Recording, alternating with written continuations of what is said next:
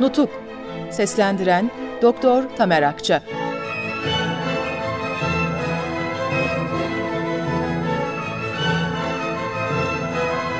12. Bölüm Erzurum Kongresi hazırlıkları Erzurum'a gelişimin ilk günlerinde Erzurum Kongresi'nin toplanmasını sağlamak üzere gerekli tedbirlerin alınmasına önem verildi. Efendiler, Vilayat-ı Şarkiye Müdafaa-i Hukuki Milliye Cemiyeti'nin 3 Mart 1919 tarihinde bir kurucu heyet meydana getirmek üzere oluşturduğu Erzurum Şubesi, Trabzon'la da anlaşarak 1919 yılı Temmuz'unun 10. günü Erzurum'da bir Vilayat-ı Şarkiye Kongresi toplamaya teşebbüs etti. Benim daha Amasya'da bulunduğum tarihlerde Haziran içinde Doğu illerine temsilci göndermeleri için teklif ve davette de bulundu.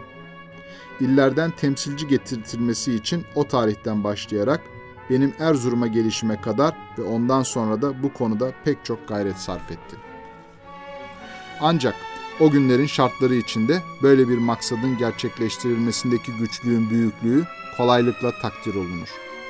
Kongrenin toplanma günü olan 23 Temmuz yaklaştığı halde illerden gönderilmesi gereken temsilciler seçilip gönderilemiyordu. Halbuki bu kongrenin toplanmasını sağlamak artık pek önemli olmuştu. Bu sebeple tarafımızdan da ciddi teşebbüslerde bulunmak gerekti. İllerin her birine açık telgraflar gönderildiği gibi bir yandan da şifreli telgraflarla valilere, komutanlara gereken tebligatta bulunuldu. Sonunda 13 günlük bir gecikmeyle yeterince temsilci getirtilerek kongreyi toplamak mümkün olabildi. Efendiler, milli mücadeleye ordu mensuplarının desteğini sağlamak, askeri ve milli mücadeleyi birbiriyle uyumlu olarak yürütmek işi de son derece önemliydi. Trabzon'daki tümen vekaletle idare ediliyordu. Asıl komutanı Halit Bey Bayburt'ta gizlenmişti. Halit Bey'i gizlendiği yerden çıkartmak iki bakımdan gerekliydi. Biri ve en önemlisi İstanbul'a çağrılmanın ve bir emre uymamanın gizlenmeyi gerektirecek nitelikte olmadığını millete ve özellikle ordu mensuplarına göstererek manevi gücü yükseltmek içindi. Diğeri de sahilde önemli bir nokta olan Trabzon'a dışarıdan bir saldırı olduğu takdirde oradaki tümenin başında gözü pek bir komutan bulundurmak maksadına dayanıyordu. Bundan dolayı Halit Bey'i Erzurum'a getirttim.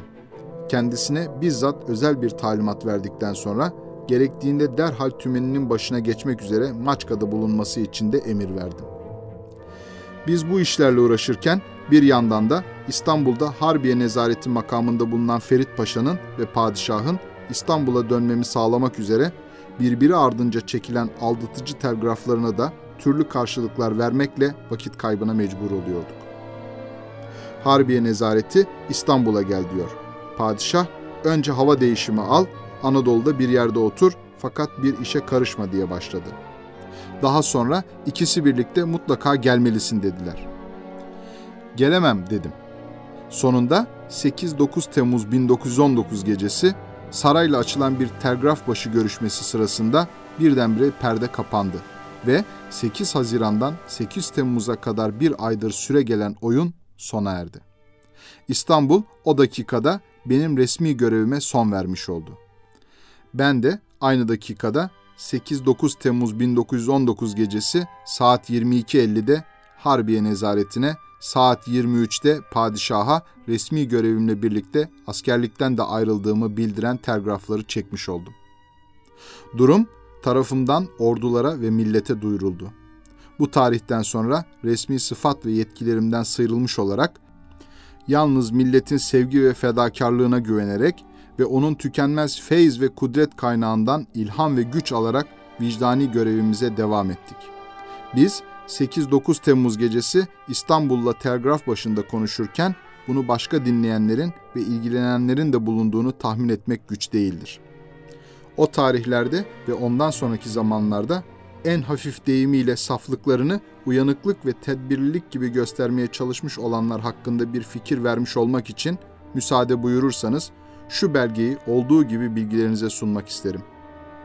Konya 9-7-1919 saat 6.00 3. Ordu Müfettişliği Başyaverliğine Telgraf ve Posta Genel Müdürü Refik Halit Bey ile Konya valisi Cemal Bey 6-7 Temmuz gecesi telgrafla makine başında konuştular.